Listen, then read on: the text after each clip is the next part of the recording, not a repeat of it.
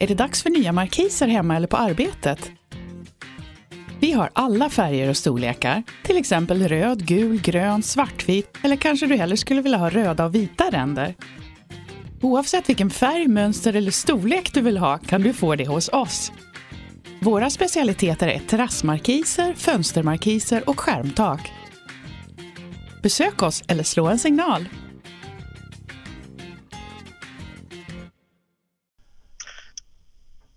Är det, är det likadant för dig nu då att du planerar Oktoberfest eh, i en veckas förtid då som eh, Martin Palstå själv? Ja, just det. Precis.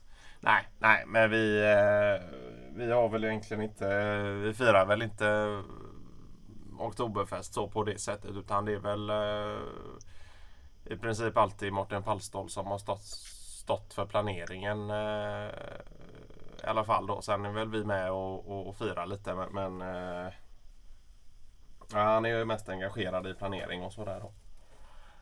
Martin Palstål, eh, han sa ju det själv då att han hade ungefär eh, cirka tre kilo surkål kvar då från, öra- från förra året då. Så att det, Åh fan. Ja, just det. så att det blir väl eh, klart att eh, den typen av mat håller ju sig bra i burkform i, i kyl under längre tid. Men Ja, ja. Jag vet inte hur lång, lång, lång hållbarhetstid eh, surkål har men det är ju det är väl som viss annan sån eh, typ av mat som eh, viner och sådär som eh, blir bättre med tiden då. ja, just det. Ja. Nej. Men, eh, ja, men jag hörde det där att eh, när Palstål hade presenterat och, och visat upp den här stora 3 kilos eh, burken där då. Det, hörde jag det från att eh, Martin Fahlén hade satt sig på cykeln och åkt hem då. Ja, det var väl Askog hade fått nå, upp någon bild där på mejlen med enbart någon, denna tre kilos eh, surkålsburk då och Martin Fullén hade fått syn på den och eh, i princip eh, bara suckat nästan. Eh, Ja, Men det är klart att det ligger, han har ju varit eh, ungkarl i eh, herrans många år, Ja. ja. Nu är han ju inte det sen, eh, jag vet inte x antal år tillbaka då, men att det kan nog eh, ligga kvar lite där i den, eh, Ja, ja, släckan när det kommer till och- matlagning och, Ja, och sådär. Då. Bullens pilsnerkorv och, och en 3 kilos eh, surkål så klarar han sig en vecka. Ja, precis. Ja. Någon resa ner mot eh, södra delen av Tyskland då som eh, Pallstål eh, åkte med Limtek ner en sväng. Ja, Och då kunde han ju inte hålla sig då. Då skulle han ha med surkål på bussresan hem då. Och det luktar ju i alla fall till de fyra närmsta sätena så det... Ja. Men det, det, det är lite Ja. kul också att han... eh, han är ju sån, han är ju ganska lätt att göra med och... och Ja. nej men han är ju inte, han är ju inte på något sätt någon slags eh, finsmakare i den bemärkningen då som Bonander eller eh, Kasta då utan att han har det här lite tyska eh, eh smaken då. Han, att han uppskattar de här lite enklare precis som du säger eh, smakerna som surkål och, och så då. Och, och, eh, han är väl den, den enda jag känner i alla fall som föredrar kokt korv framför grillad då. Ja. Ja, men det är, ja, precis. Och sen... klart, han har eh, väl någon typ, han har väl, eh, har han tyska rötter eller hur är det? Någon, eh,